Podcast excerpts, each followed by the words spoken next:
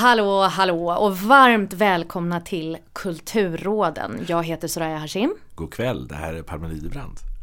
Och vad händer i detta rum? Är det Cecilia Sohaid Gustafsson bredvid oss? Nej, nej. Nej, nej. Nej, nej. En stjärna. Ja, vi har en stjärna i rummet. Vi har en stjärna Ja. i rummet. Vi har Rasmus Nyström med oss. Varmt välkommen till Kulturråden. Tusen tack! Gud vad kul att få en sån, ett sånt intro. Alltså skådespelare extraordinär.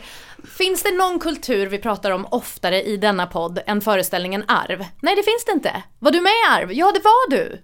Jag var med i Arv. Kommer du vara med i Arv? Jag kommer vara med i Arv. Och, När den kommer eh, tillbaka? Ja, hösten 2024 i höst. Jag Ja. är väldigt eh, taggad på att iklä mig dessa, hoppa in i dessa åtta timmar teater. Eh, Lagom. det har förändrat mitt liv och min, eh, min liksom, eh, stress, min tröskel för hur mycket man orkar på en dag. Ja, just det. Eh, Men alltså, åtta timmar teater. Eh, eh, och när, I och med att du är ju också med i varenda scen. Eh, och eh, pladdrar på tänkte jag säga. Du har ju mycket, mycket, mycket repliker. Eh, de timmarna man inte är på scen, det vill säga din fritid. Hur mycket rabblar du de här replikerna? Alltså lever du i dem eller?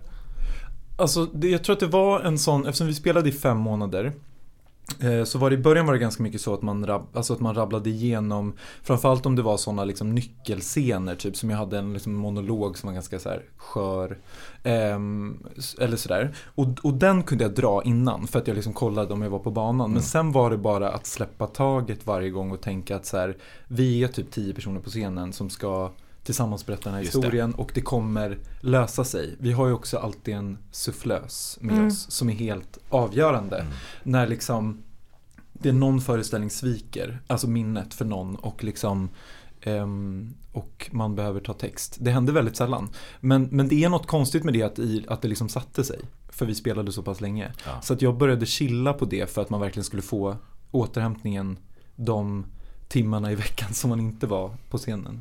Och gud vad man inte bryr sig om någon säger text. Alltså om man är på en föreställning, alltså som publik. Jag tycker Så det är underbart när någon ja, gör det. För man bara, okej, jag är med. Ja. Vad händer? Alltså, det var så här, jag var där när det här liksom, när Exakt. det här, alltså jag tycker att det är, för man bryter liksom den här, man, så här fjärde väggen då, Mm. alltså jag tycker att det, det är något väldigt härligt.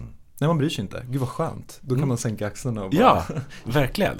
Och vi hade ju David här tidigare också, David Fukamachi Rengfors, din kollega som också var med i föreställningen. Och nu kommer ni tillbaka och du ska dyka in i det här stora enorma projektet igen. Mm. Är du nervös på samma sätt som man är första gången man ska göra det, eller är det en annan nervositet? Alltså, jag tror att jag bara tänkt att det, liksom, att det, det är väldigt fint att få göra det igen. Ja. Men sen så har det ju kommit tankar som är sådär, i och med att den har blivit så liksom uppskattad på många sätt. Och så har det gått lite tid nu emellan. Så det är klart att det finns en såhär en Aaron känsla som har är så här, byggts upp Skulle också. jag bara ha tackat nej? Alltså skulle jag bara ha låtit det vara så Det var så bra då, alltså det var, alltså för att det finns ju någonting i det så här, man måste göra det varje gång. Och nu är det dessutom så att vi har flera nya eh, personer i ensemblen. Ja. Så vi kommer liksom, det kommer bli en ny föreställning, även om det är samma. Så, så kommer det liksom bli något helt nytt. Så det ser jag väldigt mycket fram emot. Eh, även om jag sörjer de som inte längre är med oss i just föreställningen. De Ja. lever ju fortfarande, tack och lov. Eh, alla mina älskade säga med tanke på temat. Ja, men gud vad hemskt. Nej men så det är, det är verkligen, eh, det är skitpeppigt att Ja. vi ska göra den igen. Framförallt för att den, det är en pjäs och en tematik som behöver berättas. Och den behöver berättas idag på liksom en svensk nationalscen. Eh, och många behöver få se den. Och att flera vill se den igen. Eh, ta med sig liksom vänner och familj som inte har sett den. Mm. Det känns bara så här magiskt att få vara med om någonting som har skapat en liksom live scenkonströrelse och hype. Och att vi liksom, det är flera som kliver in i rollen, alltså nya skådespelare som kliver in i rollerna blir också så här, det här verket fortsätter leva och det fortsätter röra på sig. Och, ehm, men det, alltså det är skitpeppigt. Vi har släppt biljetter nu. Ja. Ehm, och eh, extended, eh, för vi ska flytta till en större scen. Eh, till lilla scen. Så det är ju liksom tre gånger så mycket biljetter per föreställning. det gör att- sant? Ja, så det är ju liksom jättemånga fler som kommer kunna se. Ingen vet hur den kommer att bli på lilla scen. Inte ens Carl-Johan Karlsson som är regissör. Men eh, vi får se. Alltså första gången jag gick och såg den så gick jag och såg den ensam. Det var ju då vi träffades första Mm. gången efteråt. Och sen Eh, nu tänker jag gå och se den ensam en gång till. Jag vill inte ha någon med mig. Nej. Alltså jag vill inte, nej det där är mitt.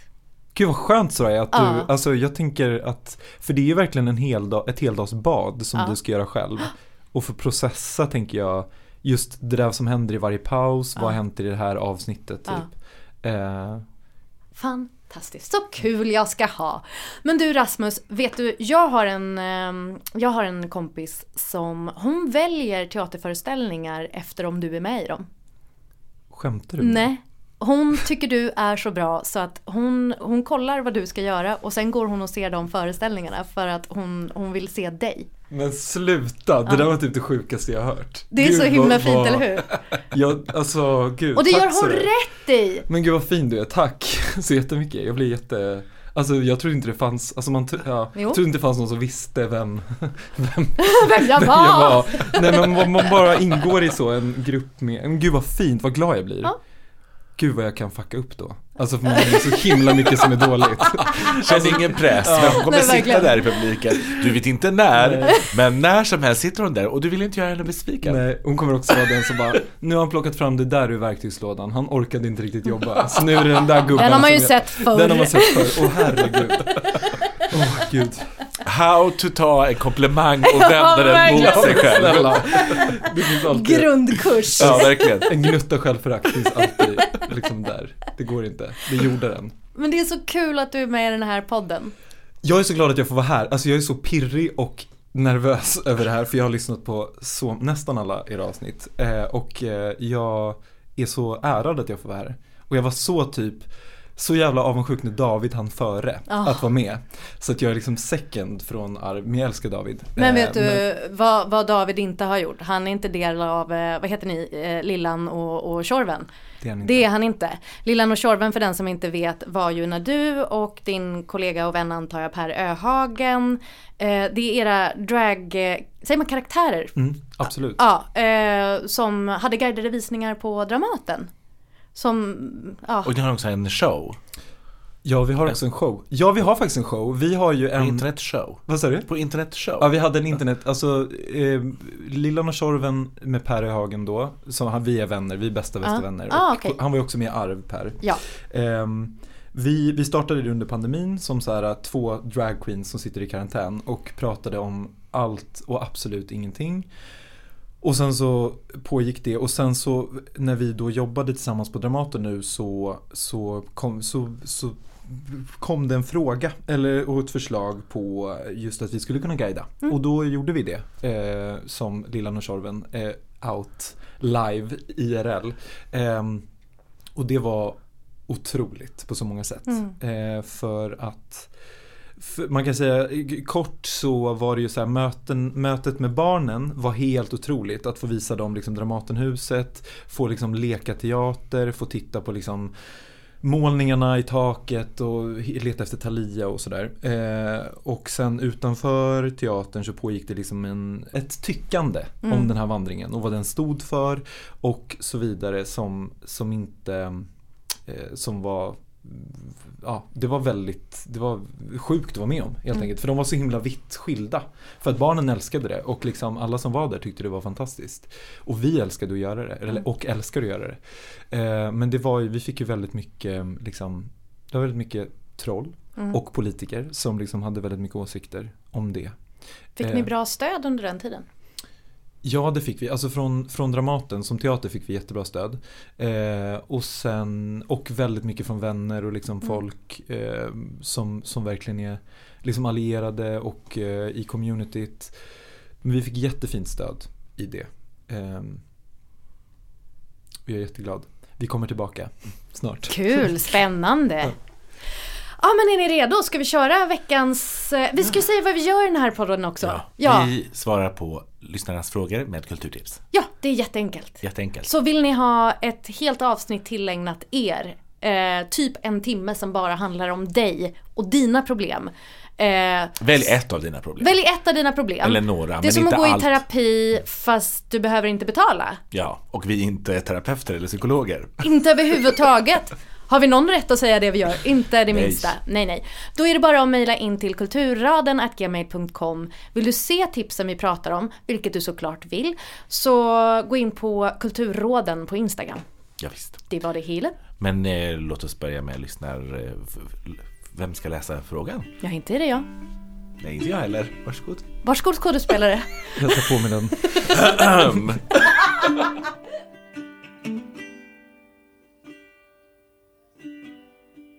Kära Kulturråden. Jag är på andra sidan nu.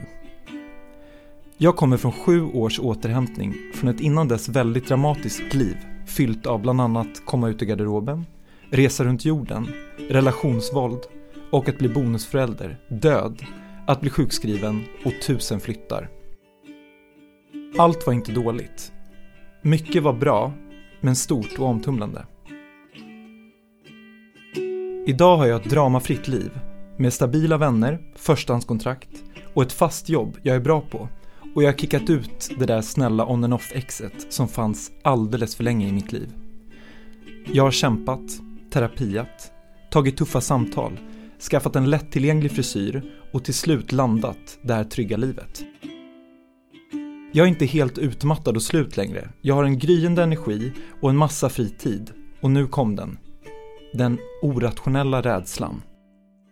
Rädslan för att gå ut på en promenad, sätta mig på ett café och skriva. För den gulliga nya kollegan som föreslår att vi ska gå ut och ta en AV. För att träna på gym. För att gå på dejt.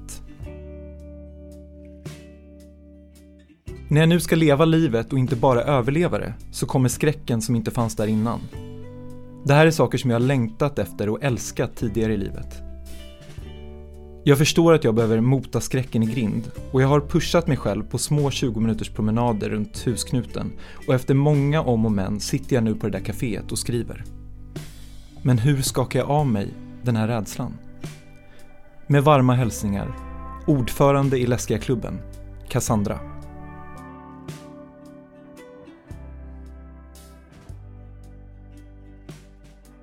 Tjena Läskiga klubbens ordförande, också känd som Cassandra. Tack för din fråga. Du kommer inte gilla mitt svar. Eh, Jag kommer till exempel be dig att avgå som ordförande redan nu. Eh, Du kanske inte ens ska vara med i styrelsen. En kupp! Ja, Men kanske. Jag vet inte vem som efterträder dig. Jag är inte med i den här klubben. Det får de lösa som är med i valberedningen. Men eh, eh, du kan absolut fortfarande vara med i föreningen. Eh, och du kan ju också såklart vara med i styrelsen om det är så att före- föreningen kanske förändrar sina stadgar, tänker jag. Så går det till föreningslivet. Mm. Har du, läst, har du läst Läskiga klubbens stadgar, Palme Lidebrandt? Vi går vidare. Du har ju varit i action mode under väldigt lång tid, hör vi. Eh, Det förstår jag är väldigt krävande och uttömmande. Du har behövt vara det för att hantera allting som du har varit med om. Det där exet, att komma ut, relationsvåldet, död och med mera, med mera. Allting som du rabblade upp. Eh, Och du har hanterat och hanterat och hanterat. Det låter som att din go-to-känsla är att hantera. Jobba igenom, ta beslut, verkställ, vara beredd.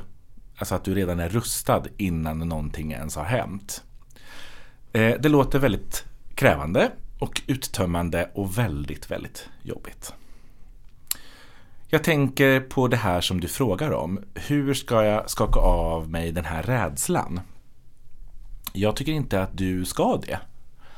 Jag tycker att du ska bli vän med den istället. Eller snarare så här, du kanske ska acceptera att den är där och är en del av dig nu. Taskigt. Nej, så sant. Ja, tack. Ja. Behöver eh, min styrelses godkännande att gå vidare. Vi klubbar igenom. jag strök ja! halva mitt svar. Jag menar såklart så här, som du redan har förstått. Eh, det är inte så konstigt att den här rädslan dyker upp och moler på, eh, nästan som ångest kanske. Eh, dels för att du gör dig beredd eh, på alla de här sakerna. Hur ska jag hantera, kontrollera, agera så att jag inte eh, på andra sidan om det här problemet eller så eh, har svikit mig själv eller inte haft kontroll över situationen eller blir besviken eller inte blir lämnad eller Inte må sådär dåligt eller såklart inte vara utbränd igen. Jag tror att du har mer verktyg i din verktygslåda än jag för att hantera utmattning eller utbrändhet. Och jag förstår att man vill verkligen bara upp på hästen igen. Eh, men en sak som man ju får veta när man är utbränd är ju att den här önskan om att återgå till sitt gamla liv och gamla rutiner det är inte nödvändigtvis bra för en. Nej. Eh, och inte heller kanske direkt önskvärt. Och det är ju därför du är där du är idag. Ditt förra liv, dina gamla rutiner, är ju betingat med de här känslorna. Just därför tror jag att det är ganska svårt för dig att ta dig upp på hästen igen. Som om utbrändhet bara var ett litet skrapsår som inte längre finns kvar. Eller som att det har varit lite träningsverk. Eh, men det är ju inte det du menar. Det vet jag ju om och nu ska vi ta det här på allvar. Många som till exempel blir utmattade på grund av jobb kan ju inte heller gå tillbaka till samma gamla jobb. För att det skapade ju då de här betingade känslor och beteendemönstren hos en. Men ja, det här känner du ju redan till. Eh, mycket bättre än vad jag gör. Jag har ju inte varit utbränd på riktigt. Eh, ibland har det ju bara brunnit i huvudet på mig. Eh, ibland har det varit eh, att jag har fått bölder på halsen. Som varken har varit eh, bakterier eller virus. Eh, jag har tappat synen när jag har kört bil. Tappat minnet. Glömde bort en kompis 40-årsfest som jag var på två veckor innan. Eh, också spelade på. Men utbränd har du minsann inte varit. Nej, alltså Inte gud, det här utbränd. låter ju... Jag har också spenderat en sommar med att bara äta ris och blåbär. För att det var det enda som min mage kunde behålla. Men det är olika. Men du har Eh, aldrig varit utbränd. Men jag har inte varit Nej, utbränd nej. på det sättet. Nej, nej. Eh, Inte ett dugg. Hör ju jag. Men så att nu är ju det här väldigt mycket utifrån mitt tycke och smak. Och då undrar jag, gym? Är det verkligen något som du måste göra just nu? Hur känner ni för gym här inne? Ja, men jag har ju lyckats eh, betinga denna miljö. Ja, Eller betinga mig till denna miljön på ett bra sätt. berätta. Ja men eh, jag vet inte om det kanske kommer med ålder att jag på något sätt har lyckats göra det till en, en tryggare plats. Och framförallt har det att göra med att jag inte går till något coolt gym. Ja. Jag går till liksom föreningslivets gym. Där, Föreningens egna gym. Ja, alltså lite så. Alla möjliga hänger där och det är ingen som är särskilt fixad när man går dit och det är ett löpband som jag har lärt mig hur det fungerar och där tar jag en liten promenad och har det gott och lyssnar på någon podd. Alltså så här, jag, jag har hittat mina platser i gymmet, jag, jag håller mig till mig själv, jag gör min grej, jag går därifrån. Eh, och kan tycka att det är lite mysigt till och med. Eh, så. Vad är det för medelålder på ditt gym? Eh, de tiderna som jag är där skulle jag säga ungefär 232 Ja. är medelåldern. Månader. hundår. Och det trivs jag väldigt bra i. Att eh, det, är liksom, det är inga frakt. Jag känner inte liksom att jag behöver vara något eller inte vara något. Jag bara är. Vad känner du? Men alltså jag har ett gymkort och förra året fick, eller jag fick ett mail som summerade förra året som var så här Hej Rasmus, tack för att du besökte oss fyra gånger under 20, 2023. Nej men för att jag, jag, jag hatar gym och eh, eller det är jättesvårt med gym och enda anledningen till att jag besöker det nu, jag försöker tvinga mig själv, det är för att jag gillar att springa ibland. Mm. Och när jag måste springa och det är typ snömodd då måste jag gå till gymmet och det Exakt. finns bastu där. Mm. Så jag har liksom varit där, men alltså det är bara, jag går till löpbandet och sen så går jag till duschen och till bastun. Men jag tycker gym, jag hittar inte min plats. Så jag Nej. kan liksom inte lyfta, jag, alltså jag vet inte om man använder en hantel eller en maskin. Och jag har inte heller hittat så här eh, jag hittar inte min plats. Jag tycker det är jättesvårt. Mm. Jag, jag, men jag tror att man bara exakt som du säger sådär, det där med att man hittar så här jag gör det här och det är min grej. Mm. Mm. Och jag får vara här. Mm. Och jag behöver inte vara bra på de här sakerna, tror jag. Alltså sänka trösklarna för vad det är att gå till ett gym. Visst. Britta Zackari skrev en bok för eh, några år sedan som hette Jag hatar att träna. Den låste upp jättemycket för mig om det här med träning. För att hon har en inställning till det som jag tycker är så fruktansvärt sund och rimlig. Och att den är inte inte prestationsbaserad och den är inte så här, nu ska jag se ut si och så här. Det var inte det. Och eh, att, att hon hade ett sånt bra tänk kring så här, hur ska man ta sig till gymmet då? Jo men det börjar med att du behöver bara ta på dig kläderna. Det är din utmaning. Att du bara ska byta Mm. om. Eller typ att du bara ska ta dig dit till omklädningsrummet. Det är det enda du behöver klara. Sen behöver du bara klara att ta på dig kläderna. Och nu är du ju där. Då kanske du bara behöver ta ett steg på... på alltså man gör så små delmål hela tiden. Och då gjorde det på något sätt att det blev lättare. Nu förklarar jag det dåligt men det är en Nej, bra bok. är- Jag skulle verkligen rekommendera den om man är så här, hur kommer jag igång typ? Vi hör er, era protesterar lyssnare där ute. För vissa personer så är ju gym jättehärligt för att man, det är, man kan få en rutin, man tränar, man rör kroppen. Det behöver inte alls vara prestations, eh, liksom, betingat överhuvudtaget. Man kan må bra utav träna. Eh, och för så brukar det ju låta för vissa personer. Och är du en sån Cassandra, visst varsågod. Eh, boka på en Lägg det i din schema. Ja, precis. Så, det är jättebra. Men är du som mig så kanske det inte är just det du behöver fokusera på just nu. Eh, Det är inte det som du vill höver, som man säger. Vill höver. Men hur är du Palmer? Hur, din relation till gym, den lämnade du därhän? Pass. Eh, Nej men det, jag har försökt så många gånger att gilla det. Vi går vidare till Cassandra. Men eh, en andra frågan som jag har då det till dig Rosa Cassandra, det är det här med dating. Är det också någonting du verkligen vill hålla på med just nu, som inte skapar prestation? Om du vill det, varsågod. Eh, och här sitter jag ju med två fullt upptagna människor som inte kanske kan minnas hur det är att dejta. För låt mig berätta hur det är. Ja. Eh, Det är inte en självklarhet. Jag tar inget för givet Palmer. Det är, det är en kort period. Nej men det är ju inte, eh, det är ju inte heller helt, eh, vad ska man säga, prestationsfritt. Det är fruktansvärt att dejta. Jag tycker att det är ganska kul. Tycker du? Ja, eller ganska kul. Jag kan tycka att det liksom är så, det behöver inte vara så allvarligt.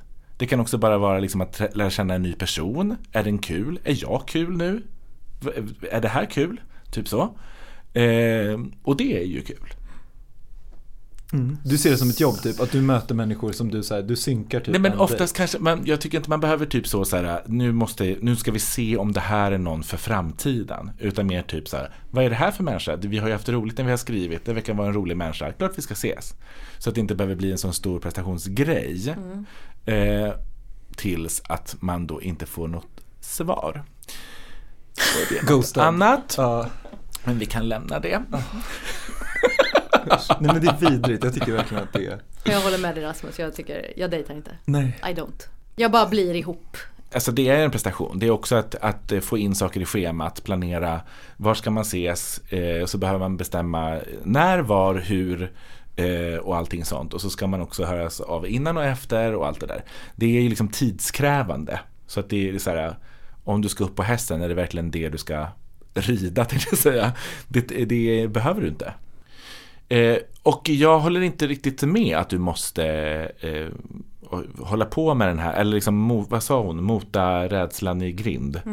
Eh, för att jag upplever att du redan är en person som pushar dig väldigt mycket. Du tvingas ut för att få saker att, att hända. Men eh, jag kanske har fel, men du går ju redan på café. Du går på promenader, du har ju redan skaffat dig en ny frisyr. Så jag är inte så orolig för att du ska sitta hemma och inte ha någonting att göra, utan snarare ta det lugnt. Stanna lite i nuet och eh, försök att bli lite vän med din rädsla. Känner ni till fotografen Filip Lorca de Corsa? Inte spontant. Det kan vara för att jag uttalar det fel. Men jag tror inte det. Jag googlar. Han är en amerikansk fotograf som gör arrangerade ögonblicksbilder. Han tar kanske så att säga riktiga personer och platser och arrangerar det eh, till en liksom supervacker bild och det har han gjort sedan liksom 70-talet. Eh, han blev först känd för sin serie Hustlers som också var hans första stora separatutställning på MoMA 93. Eh, och i den här serien så fotograferar han manliga prostituerade på San, Santa Monica Boulevard. Eh, han betalade eh, dem sin så att säga vanliga fi men för att då bli fotograferad istället eh, för att göra sexwork. Eh, och titlarna på fotografierna var då deras namn, eller är då deras namn, ålder, var de kommer ifrån och vad deras tjänst kostade. Nu ska ni få se några av mina favoriter. Här är Mike, 26 year old, 40 dollars. Oj, vad fin. Alltså snygg. Eh, Förlåt, han, han hade inte är- Han eller Ledsen. fotot. Han eller fotot? Ja. Nej men jättesnyggt foto och jätte, så snygg kille. Ja. Vad sa du att han kostade? Nej, ha- han som person. ja, Hans tjänster. Hans Hans tjänster. tjänster 1991 till 93, 2, kostade 40 dollar. Eh, Brent Booth, 20, 21 year old, Des Moines, Ill- i, i Iowa, 30 dollar. Det här är en av mina det här är absolut favorit. Åh, den var jättefin. Ja, De här hamnar såklart på vår Instagram ska vi säga. Absolut. gud. Alltså det rymmer så mycket liksom De är så histor- Ja, det ensamma. är så mycket ensamhet i en Ja. bild. Alltså på något sätt. Eh, det som kännetecknar hans stil i, är ju att de här bilderna är just ögonblicksbilder. Eh, eller tänkt att vara det. Eh, men hur lång tid det här ögonblicket känns, det är ju som att det pågår och pågår. Det är liksom helt oklart i tid hur länge de liksom har stått där eller var, var de är i sina känslor. Det är liksom ett, ett stort känslomässigt rum som får utrymme i hans bilder. Eh, tiden stannar upp, känslorna pågår och vilar. Eh, och det finns liksom flera lager utav berättande i den här bilden. Det är en hel berättelse men vi får bara viss information. Det här dramatiska ljuset och färgsättningen återkommer liksom i hans verk hela tiden. Mm. Eh, och i hans pågående projekt East of Eden som påbörjades 2008, alltså Öster om Eden på svenska efter John Steinbecks kultroman. Som handlar om ont och gott, synden och förlåtelsen, den lilla människan och dens sökande efter sig själv och sin identitet.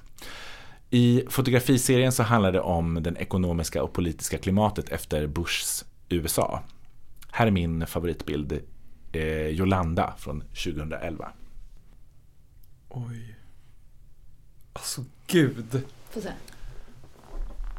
Otrolig, eller hur? Ja, en sån här typ dam. Nej men alltså, förlåt men du rörde dig liksom från så killar i typ 20 till 25 års åldern. Eller ännu yngre. Alltså, Ja. ja. Hon var ändå... för- Ja, det här är ett annat, det här är liksom inte samma serie. Utan Nej. det är liksom, men man känner ju igen hans Ja, bildspråk och hans, liksom, hans känsla för ljussättning men också känsla för stämning. Ja. och liksom, Verkligen. Eh, att det rymmer otroligt alltså, Det är Vad inte är- bara kroppen som pågår känslor utan det är liksom hela rummet. Mm. Ja men också att det är så himla tydligt att det väntas på någonting. Mm. Samtidigt som det är helt liksom stilla. Alltså det är en Mm. bild. Men det pågår, det är på väg mot någonting. Och det är Och- någonting som... En tornado i tv-skärmen. Ja.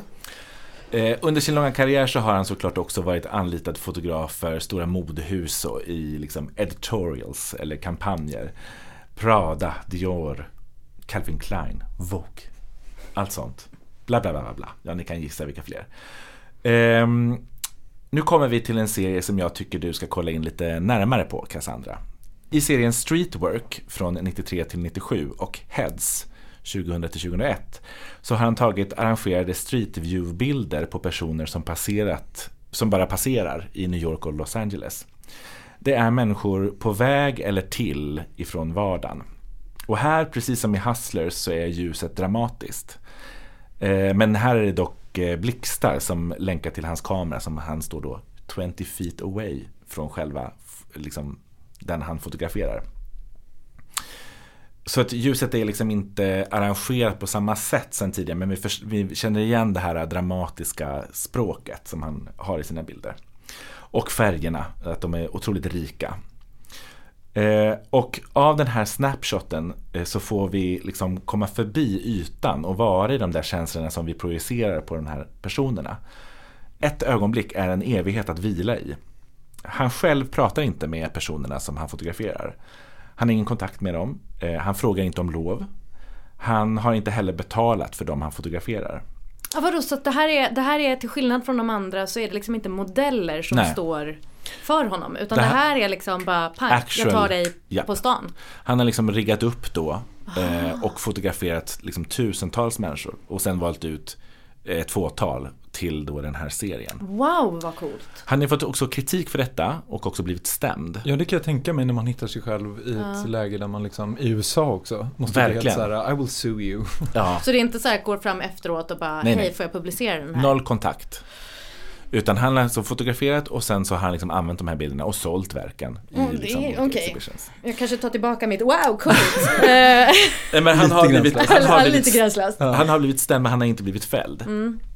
Eh, och han kommenterade sitt arbete och metod i en film som finns på Tates eh, YouTube. Eh, den publicerades där när Tate visade delar av serien Heads i utställningen Exposed. Voyeurism, Surveillance och The Camera från 2010. just I approached it like a day job. I went there, set up, worked for four or five hours, went home. I wasn't always sure what I had, and to tell the truth, the biggest problem was not to get what you would call a good one, but to get one that was different from the others. One thing I was investigating was not whether people um, are all different, but how they are all the same. And I, I was not trying to hide from them. I was trying to show how they tried to hide from those around them. Cassandra. Det finns lager av dig och din historia här som måste få plats. Livet innan utbrändheten såg ut på ett sätt, ditt liv nu ser ut på ett helt annat sätt. Mycket kanske liknar varandra, men mycket har förändrats. Och kanske inte heller till något sämre. Det är bara annat. Och du kommer lära dig hantera den där rädslan. Men det är inte all bad. Det är eventuellt en varningsklocka. Du kan titta på den och tänka okej, jag ser dig. Jag försöker varna mig själv. Men i den här situationen så behövs inte det. Så tack så mycket. Eller så säger du ja, du har rätt. Och jag kanslar alla mina planer. Sitt kvar du på kaféet och titta på alla människor som går förbi istället. Lycka till! Hej hej!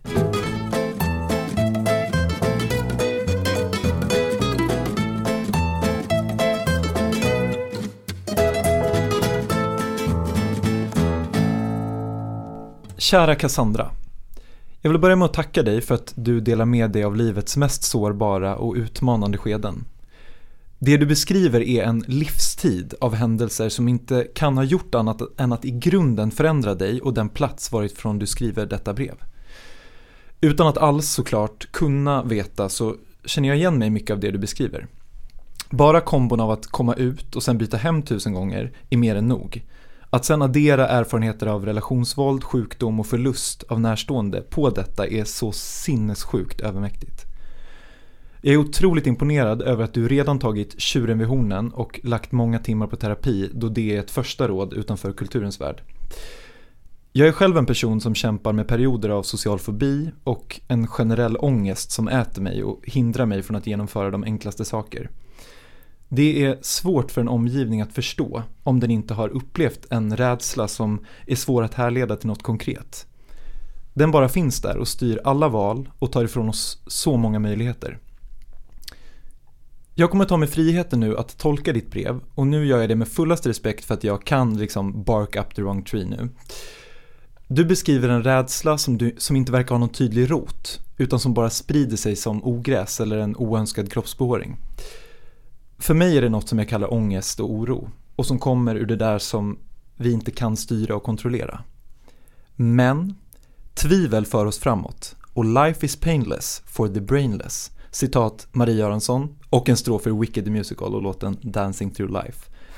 Fritt liksom klippt och klistrat.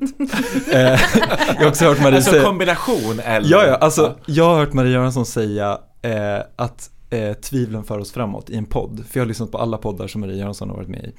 Eh, Rimligt. Och, ja, så, Klokt. så jag också Första kulturtipset. Ja, helt utan att fråga henne. Även det underbara eh, På minuten när hon är med. Det är det roligaste som finns. Ni har inte hört på minuten. har- Okej, gud. du Okej, har jag en nytt. skatt framför dig. Åh gud, jag måste det är så. så roligt. Det var som förra veckan Ung, ni... ung tips. Ja, gud, jag... Ungt tips som Palme Lidebrand. Ung tips Ja. från mig till er. På minuten. På minuten. Tvivlen för oss framåt. Du är en känslig, öppen och mottaglig person. Du är mottaglig för livet och det är en superkraft. Ja, superkraft är ett begrepp som har använts till förbannelse av föreläsare och influencers med ADHD, men lås in mig då. För jag kommer använda det. Eh, embrace att du har känslor, Cassandra. Nu kommer jag också att förutsätta att rädslan du beskriver kan handla om att du är rädd för vad andra ska tycka om dig och upp, hur de ska uppfatta dig om du drar iväg på den där AWn eller råkar stöta på någon på promenaden som du inte förberett dig på att träffa. Mm. Du kanske tror att du kan avläsa din dejt efter fem minuter och är rädd för att dejten inte kommer att vara intresserad. Om du ens tar dig till dejten. Jag tror att du måste bestämma dig för att du ska gå på AV med gulliga kollegan och att livet är för kort för att inte lära av en dejt som aldrig blev mer än just en, en trevande stund framför en svindyr mikrobryggeriesöl. Vi har alla varit där. Du har gått igenom så mycket dramatiskt i ditt liv som kanske gjort att du kunnat fokusera på dramat och att just ta dig igenom dagen istället för att ge dig ut på okända vatten och just våga. Jag har funderat väldigt mycket på vilka källor jag ska söka i och här kommer en, här kommer en virvlande ström av tankar och råd. Håll i dig och håll dig flytande när jag vecklar ut mitt kausala inre kartotek. Tut tut, nu åker vi! Eh, Jag vill börja med att säga att jag kommer inte att tipsa om Thomas Winterbergs En runda till, där tesen hos ett gäng vita heterosexuella medelålders män är att vi alla föddes med en halv promille för lite i blodet. För jag uppmuntrar inte till att bryta ner det här motståndet med den där perfekta en till två enheter som jag själv använt vid tillfällen. Men jag dömer inte heller. Plus att jag älskar dansk och Mads Mikkelsen. Och vem gör inte det? Vem gör inte det? Nej. Men är det för att man inte förstår vad de säger? Så man bara absolut Men det är ett så himla bra språk dramatiskt. Alltså jag tycker att det är ett så, det är något som kommer från så här, ah, alltså det liksom hämtar från någon slags inre, från kön om man så vill, även om jag hatar de begreppen, så är det som att jag tycker att det finns så himla mycket liksom kött i, och att de, Alltså på samma sätt som tyskan tänker du då Exakt. eller? Ja. exakt, det finns liksom, i tyskan är det väldigt mycket så konsonanter, alltså det är väldigt så här, alltså, Mm. det, ja, jag, Men tyskan är mer torr. Mm. Danskarna är mer kött. ja. Den har mer sväng. Slafs, Mm. slafs. Slafsig! Ja, det tycker det. Har man runt bordet drömt om en dansk man? Nej. Nej. Nej, den föll platt. Menar Och du du en är gift. specifik? Nej men du är gift också. Men har du alltså någon gång tänkt så här, gud det skulle vara nice att typ ha en, en vår i Köpenhamn med en Ja, men det härlig kan man ju dans. inte Ja. men Alltså jag förstår inte vad de säger. Nej, jag gör ju verkligen inte heller Så det. det- Men måste man förstå vad alla säger alltid? Kan man inte, Inte bara... om det är en romans. Nej, precis. Men en gång när jag var i Köpenhamn så var det som att jag bara But I don't understand Danish, I'm sorry, you have to speak English. Och, och då var det som att han bara Men jag, jag, jag, jag språkar norsk. jag bara Det var då don't förstår jag. understand var- någonting. Nej, gud. You have to speak Swedish or English. Och nej, också det där, Så dansken att och... det, det är språkbegåvad, det kan man inte skriva på mitt CV. Det, så är det. Men som sagt, kärleken har ju inget språk. Nej, sant. Nej, nej. Sant. nej men jag, jag, Ja men danskarna har något. De jag har älskar, ja! något. Men alltså det är något, sen vi, alltså man gillar ju inte så rasismen och sexismen, alltså det, den delen gillar man ju inte, man, man gillar ju typ så att det finns ändå så för det. En Tuborg på, ja precis. Okej, jag ska inte, vi söker inte konsensus här. Eh, Jo, säg, men du ville ha en Tuborg? Ja men alltså, ja Tuborg gärna, men just det där lite så här, äh, alltså så här, Ja. det är fördomar om Raj, raj. Raj, raj. Ja, Jag tror, alltså jag tänker röka ändå, inomhus på krogen. Röka inomhus. Ja, Ja. men det är ju väldigt mycket, det finns ingen morgondag, du kan väl lika gärna bara så. Exakt. Låt oss. Mm. Jag tycker det är livsbejakande. Mm. Sen hur, liksom, hur de mår generellt, det har jag ingen forskning på i, den här, i det här brevet. jag går raskt tillbaka till nästa sak jag inte heller kommer tipsa om. För jag kommer inte heller att tipsa om mer än kort om Christian Gidlunds ord, som ligger mig väldigt nära för att jag precis har spelat en föreställning som är baserad på hans texter. De här betraktelserna av livet har dock på många sätt förändrat mitt sätt att tänka och handla. Fraser som “jobba inte för mycket”, “låt inte känslorna stanna i bröstet”, “prata”, “bråka aldrig om pengar”, “våga säga nej”, “våga säga ja”, “våga vara lyckliga”. Ni, ni ska leva för alla oss som så gärna ville men som inte längre fick vara med. Det är på något sätt er skyldighet. Jag är högst medveten och ödmjuk inför att detta är väldigt stora ord att lägga på sina eller någon annans axlar, men ibland behöver man faktiskt påminna sig. Vi har bara ett liv. Du beskriver och skriver att du nu ska leva och inte bara överleva, så låt oss tillsammans sänka dina krav på vad det är att leva.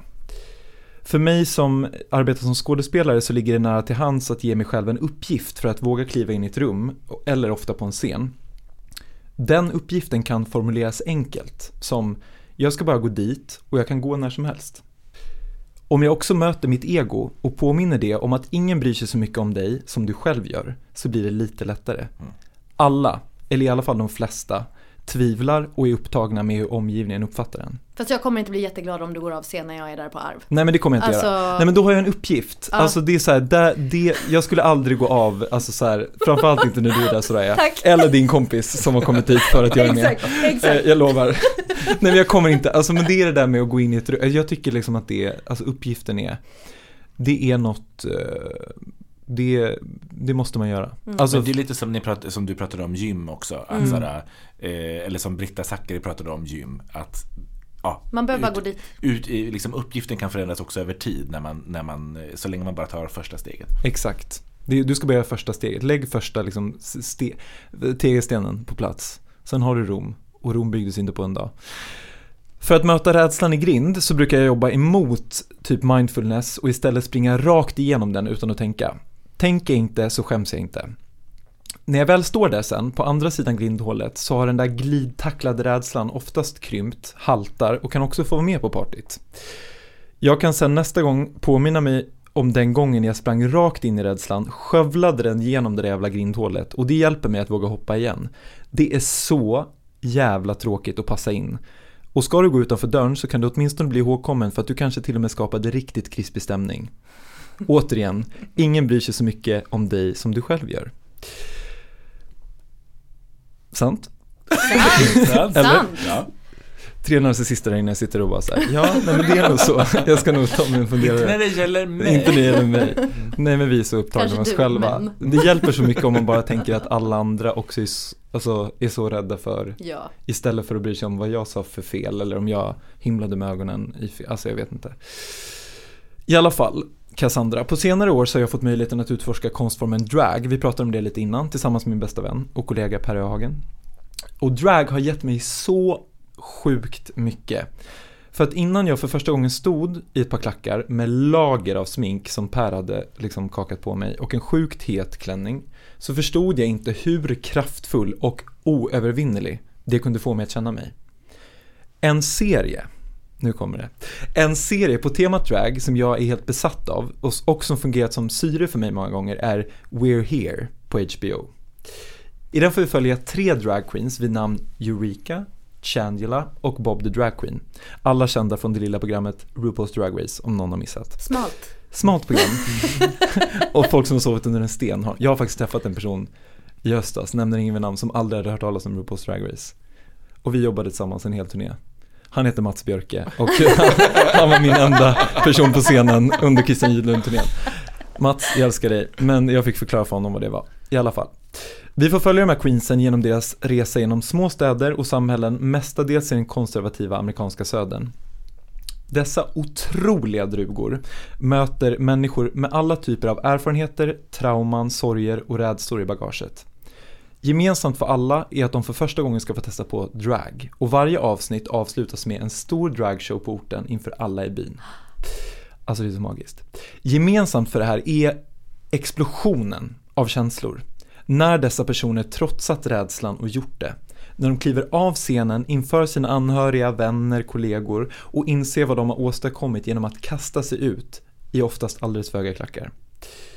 Det går inte ett avsnitt av den här serien utan att jag ömsom gråter och ömsom skrattar. Och på slutet så gråter jag alltid uteslutande av glädje. Drag is about empowerment. We travel across this country to take people from who they are to what they can be. Thank God I brought these. We're actually taking some locals, turning them into fierce drag queens. Shangela, Bob the Drag Queen, and Eureka. We came and we brought drag. Ooh, I feel like Mary Poppins, bitch. These small towns, there are people who have never seen a drag queen. Don't be afraid. Don't be scared. No, I'm kidding. Den är liksom som så många andra queera serier, filmer och böcker mitt syre när en värld krymper för oss alla men inte minst för oss hbtqi plus-personer.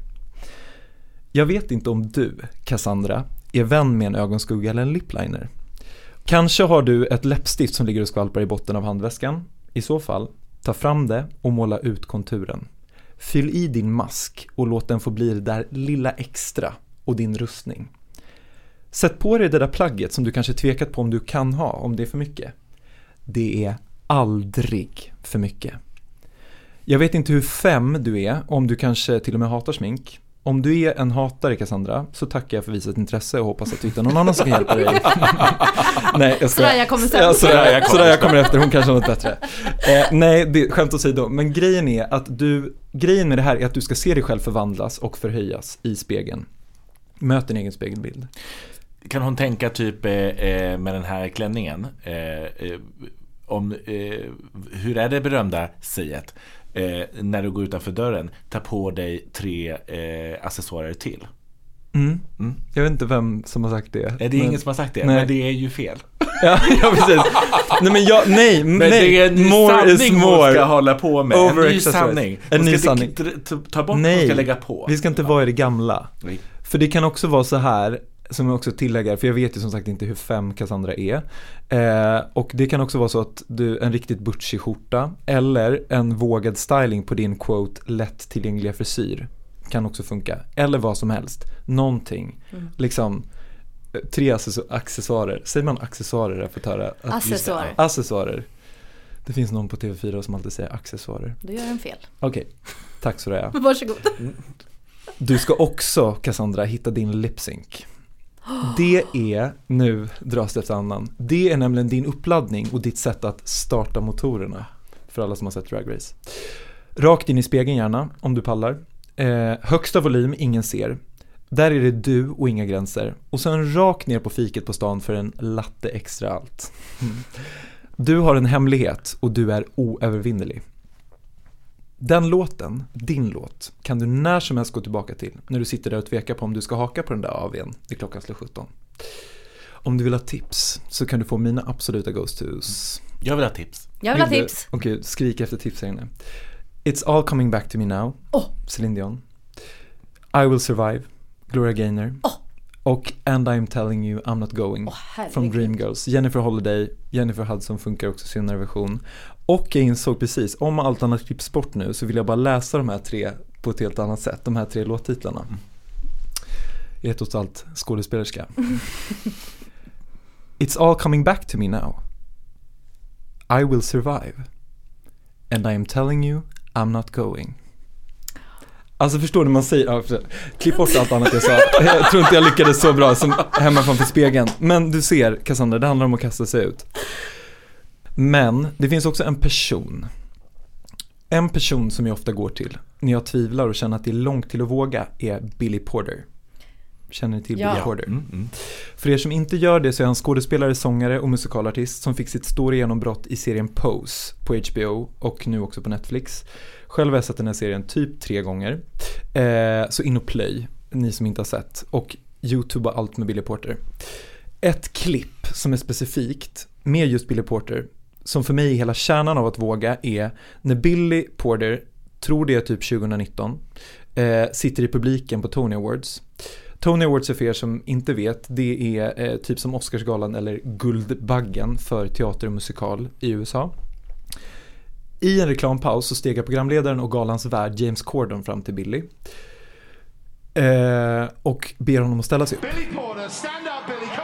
Man ser hur Billy motvilligt ställer sig upp på alldeles för höga klackar och inte alls sugen på att showa.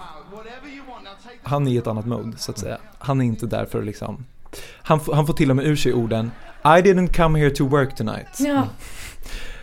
När han i pärmen hittar Everything's coming up roses från Gypsy, The Musical, så ser man att han bestämmer sig för att hoppa.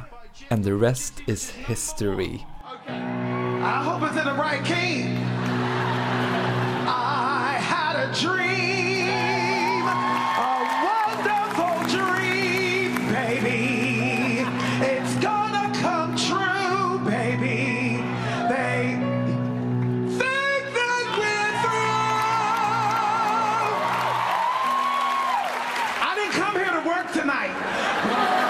Alltså Billy byter tonart mitt i låten men tar ändå innan det här tonartsbytet frasens högsta ton i originaltonart i full röst och Men vänta, han, han börjar showa, eh, James Gordon kommer till honom och han tar micken och bara nu kör vi. Han säger typ såhär stand up Billy och han bara såhär okej och, och så säger han typ såhär you can, you can pick whatever you want, kommer fram med en perm typ. Det är såhär pausunderhållning. Ja, så de filmar inte ens det här. Så det är liksom kameror så här, de flyttar runt kamerorna i reklampausen. De gör bara så här underhållning för liksom the auditorium, vilket är typ 6000 pers. Ja. Men eh, Billy tar då mikrofon, han, han är så här, reser sig upp och så tar han den här pärmen och hittar den här låten.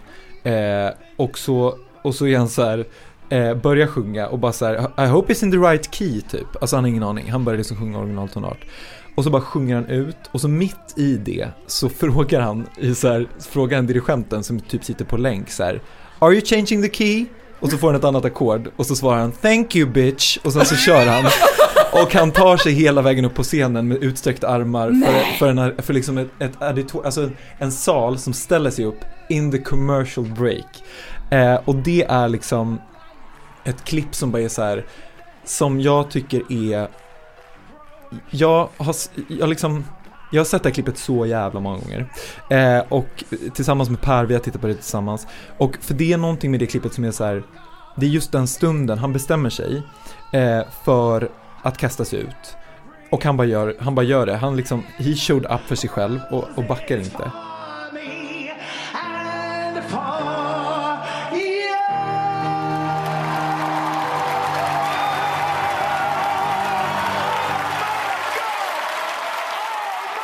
Och, och det är liksom, det är, det är också ett sånt moment som jag tror att han kommer titta tillbaka på och vara så här, I did it, den dagen han kastade in handduken. Och sen så är det också så att det är extremt få som är skådespelare och sångare av liksom Billy Porters kaliber. Men jag tycker om den här extrema bilden av att bara så här ta the moment och att man kan se typ så här motvilligt och sen bestämmer man sig och han gör det. Och alltså ni måste se det klippet för det är så. Det Alltså, hamnar är bara- på Instagram. det bara växer och växer. Det finns också, en, ett, det finns också mitt i det här, när han vänder sig mot James Corden, han har börjat röra sig sakta mot scenen. Och är typ så här, så här, Are you gonna make me do the whole thing? Och så på en blixtsekund så vänder han sig och går direkt in i nästa fras och bara tar, alltså fortsätt, alltså det är. Jag ska inte lägga för mycket liksom läsning på det här. Men Palme, för att återvända till din, addera inte tre accessoarer innan du går ut. Så vill jag säga, more is more. Och ingen annan än du minns ditt eget eventuella magplask.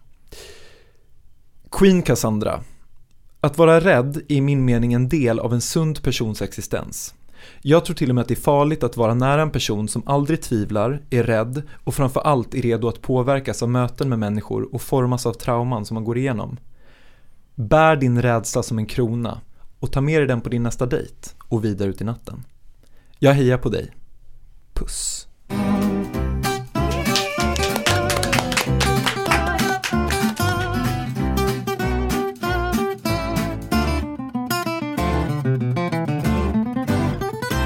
Kära Cassandra. Grattis till att du är på andra sidan. I alla fall över det allra värsta. Jag tycker det låter så himla normalt att du reagerar med rädsla nu när adrenalinet av allt det du har gått igenom klingat av. Och att du inte riktigt känner igen dig. Jag fattar verkligen det. Jag kommer att tänka på en gång för många år sedan när jag försökte ta mig tillbaka efter en kris. Eh, en del i den här krisen var att jag hade lagt mig så himla platt för omvärlden. Eh, man kan inte alltid tro det om mig men, men jag har också och har verkligen i mitt liv eh, haft perioder när jag helt har slutat lyssna på vad jag själv tycker och tänker om olika saker. Både stort och smått. Och i, i den här krisen så hade jag helt tappat bort mig själv. Och det enda som fanns kvar av mig efter den här stora tsunamin av känslor när jag gått igenom själva explosionsfasen av krisen, det var bara ett skal. Det var ett tunt skal dessutom. Och innanför det här skalet så var det sårigt och förvirrat men samtidigt helt tomt. Men så kom det en vändpunkt. Och det här är en otroligt fånig grej, men det är en ganska tydlig symbol. En dag, mitt i alla de här känslorna, så stod jag i affären och skulle köpa en paprika till ett recept. Det stod inte vilken färg det var på paprikan i receptet. Breakdown moment. Alltså, Nej men alltså fullständigt. nej, och gud panik. Jag fastnade helt. Alltså, jag kunde inte ta ett beslut om vilken färg jag skulle köpa på paprikan. För jag var så himla rädd för att välja fel. Och om och om igen så hörde jag min omgivningsröst i huvudet. Att så här, jag föreställde mig en av mina vänner, vad hade hon tyckt om jag kom hem med en gul paprika? Får jag fråga, eh, skulle du laga det här till dig själv eller till andra? Eh, vi kommer till det. Okej. Mm. Eh, jag började fundera på vad en annan vän hade tyckt om en röd. Eh, hade de dömt mig? Hade de skrattat åt mig för att jag valde en orange som alla vet är fel färg när det helt självklart ska vara en grön? Grön? Eller hur? Men vad finns det, alltså finns det en gradering i så här, vilken är mest värd? Nej men typ vilken ska vara just det här receptet? Ah, just det. De För det är väl smakar olika. självklart att när du ska göra, I don't know, fiskgryta eller vad fan jag gjorde, att liksom då har du väl alltid gul och, och röd, eller? Alltså jag visste inte, jag bara stod där och kände mig helt dum i huvudet som att det var något, något så här helt självklart svar framför mig som jag inte kunde se för jag är ju störd och kan inte ta ett enda beslut själv och eh, eller det var inte ens det, utan det var mer bara vad jag än gör nu så kommer det bli fel. Någon kommer bli sur på mig för jag kan inte göra rätt. Så jag stod 15 minuter i den här grönsaksdisken och velade. För att det tog mig 15 minuter att just komma fram till att men jag ska ju bara laga den här fisksoppan till mig själv. Ja, det är ju ingen annan som ska. Du skulle inte bjuda någon? Nej! Det var bara jag och ändå kunde jag inte ta det här beslutet. För att jag var så fläng i skallen av att jag mådde piss. Ehm, och oavsett så hade ju liksom, hade jag bjudit någon på min, min fiskgryta med fel färg paprika så hade de ju kunnat hålla klaffen för jag har lagat mat, sitt ner och var nöjd, varsågod. Men vad är det för människa som tittar på färgen på paprikan i grytan? Men det gör Alltså, ju ingen, det var ju bara jag som var ju liksom, Ja, förlåt, att man bara är så- känner så här, allt jag gör är fel. Ehm, Jag trodde att du bara, du, sa, sa, eh, du Soraya måste byta vänner. Nej men alltså du, och att jag hade velat vara där och, be, och liksom bett dig att så här, bara ta en Soraya, du, du, you can do it. Jag Alltså, vet, men liksom när man är i det där, det är, ju, det, det är ju inte logiskt. It makes no sense, men man är ändå i något det, det är så fladdrigt allting, det är så känsligt och ömtåligt och man är hudlös och så här. Ja, men det var i alla fall på den här nivån. Eh, jag hade under så himla lång tid haft andra människors röster i mitt huvud som överröstade min egen. Andra människors tankar och åsikter om rätt och fel. Om och om och om igen. Och det här skapade jättemycket rädslor i mig om allt möjligt. För plötsligt så hade jag ingen egen riktning eller vilja.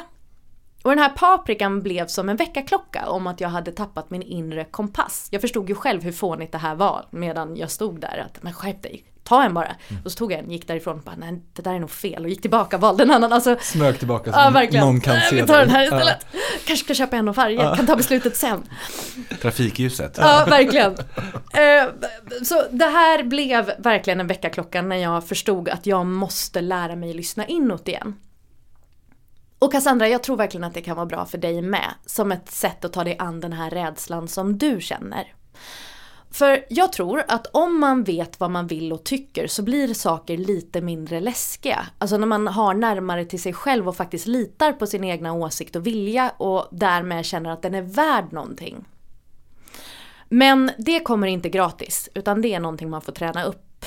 Har ni hamnat i det här någon gång att ni tappar er röst på något sätt, er inre röst och måste hitta den igen? Men konstant, det är mitt konstanta varande tror jag. Paprika? Nej men alltså allt, alltså alla val, alltså det är det värsta Mm. jag vet. För, för det är också, det kan ha med mitt yrke att göra, att man är så van att göra att jag gör så mycket saker som andra har skrivit, sen regisserar någon mig och sen så liksom sådär att man liksom hela tiden aldrig gör, tar något eget beslut egentligen. Eh, och, och det ska, i, som exakt det du beskriver, när man är som mest sårbar och hudlös så är ju alla typer av beslut det värsta man kan ställas inför. Man vill ju bara liksom att det ska ge sig självt och att man bara ska gå framåt förhoppningsvis. Bara få följa med. Ja, Ja. alltså när det är jättesvårt att välja allt. Jag tycker det är... Mm. Och den inre rösten, så här, vad, vem är jag? Vad tycker jag egentligen? Mm. Fråga liksom alla tusen gånger om så här, vad tycker du att jag ska göra i den här situationen? Istället för bara, oj, jag väljer. Eller det är så här man gör det. Ja. Det är så här som man alltid har gjort det och då är det väl lika bra att jag gör det också. Mm. Det är det här som förväntas. Mm. Cassandra, jag fattar att du är rädd för allt det nya i livet. Så vad vi behöver röra oss i, det är en urgammal miljö. En begriplig miljö som bara är vad den är. Och det är i den som du ska träna upp din inre röstmuskel, alltså de bildliga stämbanden. Och vilken är den äldsta miljön i världen frågar jag er? Eh, Rom.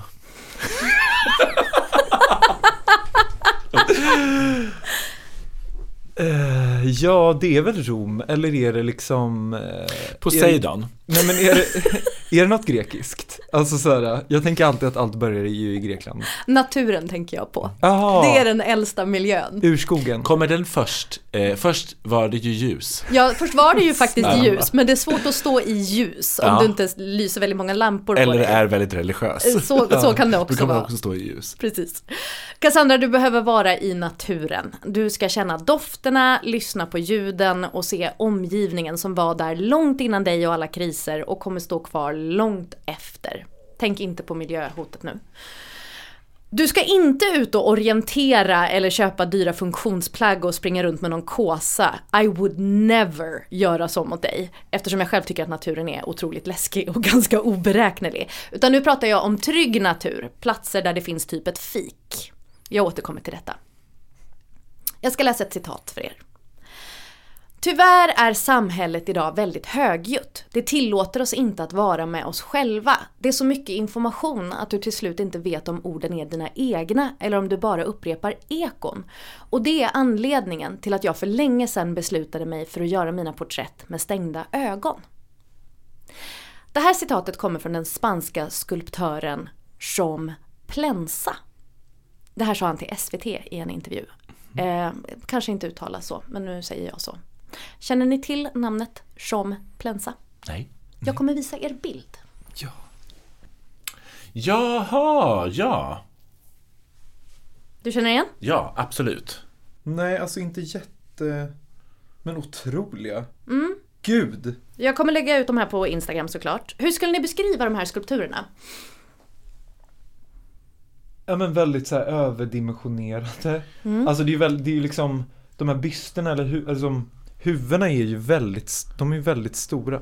Det här vita jättehuvudet som Mm. är lite skevt, det känner man ju igen. Eh, många som har tagit bilder Precis. på. Mm. Och kanske för sig själv framför. Mm.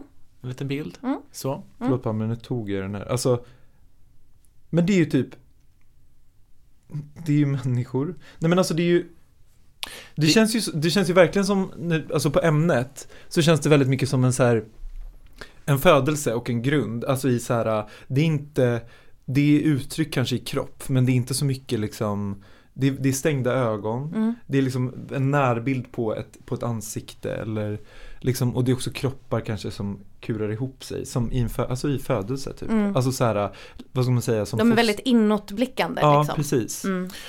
De flesta här är ju också ganska så, eh, alltså det finns inget riktigt ID för de här kropparna heller. Utan alltså det är ju väldigt mycket en yta. Mm. Kroppen, kroppen finns. Men vem de är, om de har ett namn, det vet jag inte riktigt. Jean Plensa föddes 1955 i Barcelona och det var också där han utbildade sig. Han har gjort många verk som man känner igen eftersom de finns lite överallt. De finns i allt ifrån Hawaii och Singapore till Dubai och Göteborg. Och det är framförallt två av hans typiska skulpturer som jag tror är mest kända. Den ena är de här ihopkurade figurerna, ofta gjorda i någon slags eh, metallkrusiduller, eh, ofta formade som bokstäver de här krusidullerna. Eh, en sån finns längs med vattnet i Artipelag utanför Stockholm.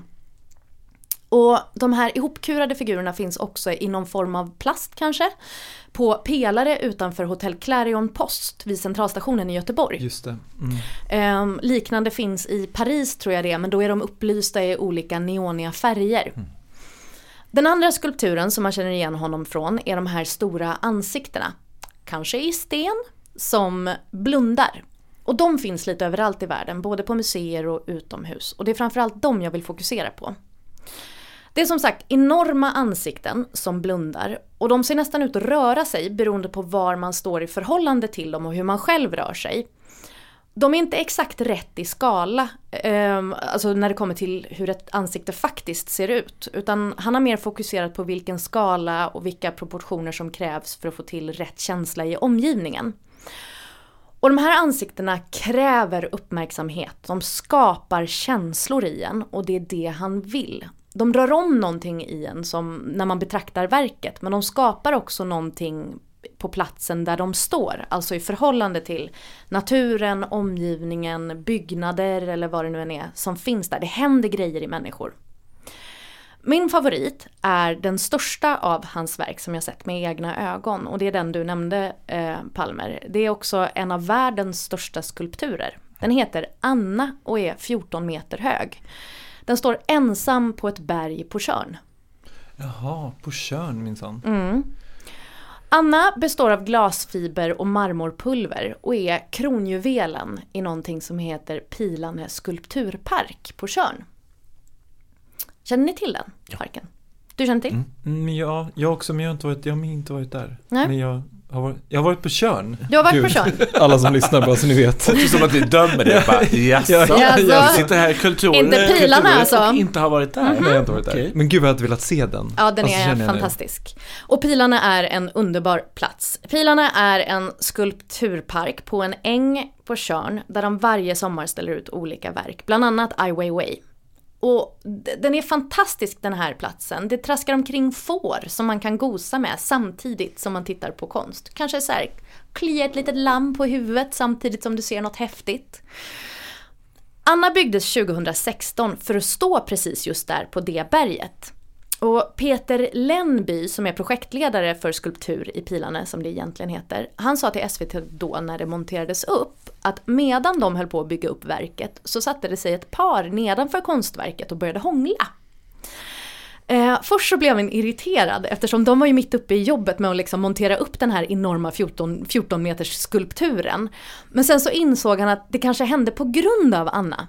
Alltså att Anna skapar så mycket i en att man kanske reagerar på det sättet. För att han hade varit med om många gånger förr att folk reagerar fysiskt liksom, till konst. För så är det. Anna tvingar en att reagera. Alla kanske inte känner kåtslag, jag har inte gjort det av Anna. Men, men någonting känner man.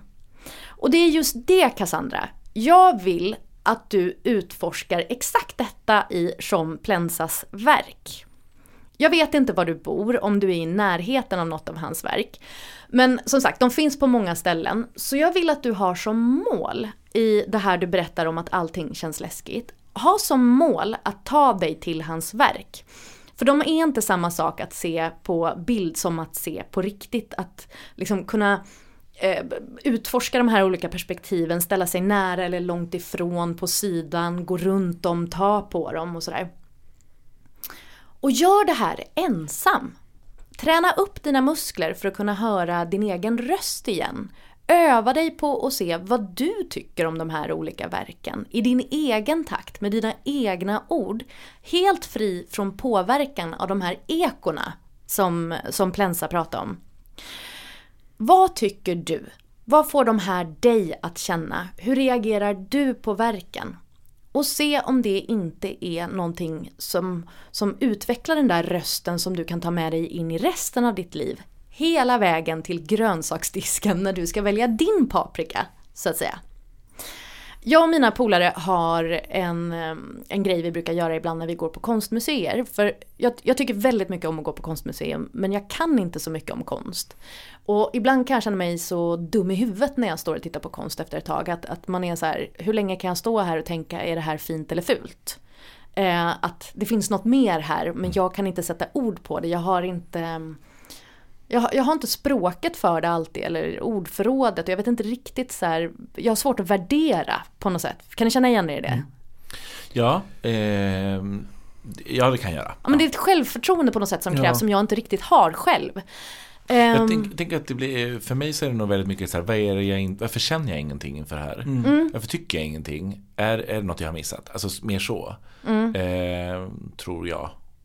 För så kan det ju vara, att det kan ju vara jättebra konst, men att man bara, not for me. mm, Nej, men att det är att träna på att, typ så här, att titta på någonting och att det som sker, det sker. Alltså Mm. det som händer i mig behöver inte vara avhängt på att jag har en förförståelse för konstnären, för verkets tematik, alltså för någonting. Utan det är bara så här, händer det något så händer det och jag Ja. får tolka det precis som jag vill. Exakt. Det tycker jag, alltså att sänka trösklarna, för jag tycker det också det är en sån det är en sån bildningssak, Mm. att som du beskriver sådär, att så här, jag kan inte så mycket om, om skulptur eller om just den här typen av konst. Så, men det är ju liksom men den kan vara god ändå. Ja, det kan hända saker. Ja. Man kan börja hångla. Man kan börja hångla. Man kan gå dit på dejt, Cassandra. Ja, precis, exakt. Men, Men gå själv, förlåt. Eller gå på dejt. Ja.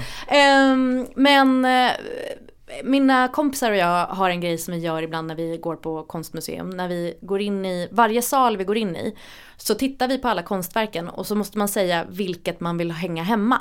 Alltså så här, vilket vill du ha med dig hem? Och det är en sån enkel lek att göra att så här, varför vill du ha just den där då? Ja men för att ehm, jag gillar eh, den blåa färgen i den där. Och Den passar till lite, soffan. Den passar till soffan eller det vore coolt med någonting så här stort. Eller vad det nu än är. Eller att den där solen på den fick mig att känna någonting. Eller sådär. Att, att lite öva sig i att sätta ord på vad det är man ser och varför man känner det man känner. Och det är just det jag menar att så här, det är det som behöver övas upp igen. Det är en muskel som behöver tränas. Och det, det tror jag att du kan göra genom hans verk. Och eftersom att de finns lite överallt. Eh, igen, jag vet inte var du bor. Du kanske bor i en stad där det finns flera sådana här verk. Ehm, så stöter man på dem lite då och då. Eller här i Stockholm finns de på, på flera ställen. Och ibland så stöter man på en sån och då skulle man kunna nästan se det som en sån här påminnelse. En blinkning om att typ blunda lite eller ta ett andetag och så bara vad känner jag just nu eller vad tycker jag just nu, är det här rätt eller fel för mig och så vidare. Jag hoppas att du och många fler med dig tar er till Pilane. Just nu är det stängt men det öppnar igen för säsongen den 18 maj och kostar 150 spänn i entréavgift. De har guidade turer och sa jag att de har får. Otroligt. Nej men alltså det är så mysigt. Alltså vilda, ja, får som går fritt, alltså de är, det är något. Ja, men, De är så goda små. Mm. Eh, De har också ett café, eller så kan man ta med sin egen picknick. Är det här en perfekt sommaraktivitet eller vad? Och om, om du då inte pallar Tjörn som första steg, då finns Plensas verk också i Umeå, Åre, Stockholm, Göteborg, Borås och Köpenhamn om du är skåning. En fråga Ja. innan eh, eh, jag lämnar. Eh, skulle du säga att skulpturen heter Anna eller Anna? Anna! När det ändå är på kör. Fan! Var tvungen. Anna! Anna! Rasmus, tack för att du ville gästa podden. Ja, tusen, tusen tack. Alltså tack för att jag fick komma hit. Det är så, jag älskar att lyssna på er podd och jag är, det var så himla kul. Vad jag, Alltså att få, få snacka loss om det här. Och jag hoppas Cassandra att du att du hittar någonting. Som, nej men alltså gud, ja, otroligt, alltså jag fick också lära mig så mycket. Nu är det som att jag, kan jag gå in på, jag kan gå in på Instagram. Ja, och Kulturråden. ko- Ja, och kolla då, så jag kan kolla på de här verken som ni har beskrivit. Ja. Ja, de kommer ju dyka upp där eftersom du redan följer oss. Ja, det precis. gör du väl? Det gör jag, ja. Gör kan gå in, du. och kolla, gå in och kolla, jag följer er så hårt. Eh, nej, det var otroligt att få vara här och eh, ja, ja, ni är, ni är så jävla fina.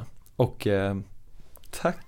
Och detsamma. Tack för att du Tack ville för att du ville här. komma. Och tack för att ni ville lyssna. Ja, och jag blev så sugen på att se den här serien. Vad heter den? We are here. We're here. We're here. Ja, den på blev HBO. jag. Den lät som, den var rätt upp i min allé så att säga. De ska byta. Ja. Vilka kommer vara med nu? Eh, så långt sträcker sig inte min research, men precis. Det, den, Och de, där var Ja, programmet. Nej, men det, är en tråk, det, det finns tre säsonger och, och som verkligen så eh, med de eh, tre drugorna, eh, Eureka, Chan- Chandelier och Bob the Drag Queen. Eh, och nu ska de byta ja. Och de har liksom, eh, det är så himla för att det är både för det är så himla typ reality, men också, ehm, och det är liksom riktiga människor. Och det är också att det inte bara, alltså det är också så här, en, en så stark liksom konstform som drag är får möta typ så här en straight cis-kvinna som har en dotter som etc. etc. Eller liksom en före detta hom- eh, liksom aktiv homofob som nu, som inte alls är, alltså det är liksom Men är det lite som, eh, för jag brukar, ibland blir de där avsnitten så himla bra i Drag Race när folk som inte dragar får vara med och göra det. Ibland blir de avsnitten helt fantastiska. Är det den vibben? Ja, det är exakt den vibben. Ja. Och det är liksom, du vet hela grejen är att de så här, att de coachar bara I'm your mother now, typ så här. Och sen att de liksom och så mötena Ja, emellan. mötena, men du vet man gråter så mycket Ja. för de berättar om sina livstrauman. Man kan Och säga de- att det är typ som Queer as Folk. Nej, inte Queer as Folk. Eh, Queer Eye. Queer Eye. Ja. Med drag. Exakt, exakt så. Det är liksom den här att man liksom låter, låter det möta, alltså ja, det är väldigt bra point. Eh, och jag, det är som att jag bara också säger, jag kan liksom gå tillbaka och titta på det igen när jag känner så här, nu behöver jag bara få andas lite igen i, så här, i den här världen typ. För att det ger mig så mycket hopp och mod, för de är så otroligt modiga som får gå upp och göra det. Wow. Så We're Here på HBO. Det ska jag kolla in. Och om du som lyssnar känner, åh men jag vill också, jag vill också få löst mitt problem. Då mejlar du till kulturraden.gmail.com och känner du, åh vad var det för foton de pratade om och skulpturer och vad var det för, vad var det nu igen Rasmus sa för låtar? Jo, då går du in på Instagram och börjar följa oss på Gramsen. Kulturråden.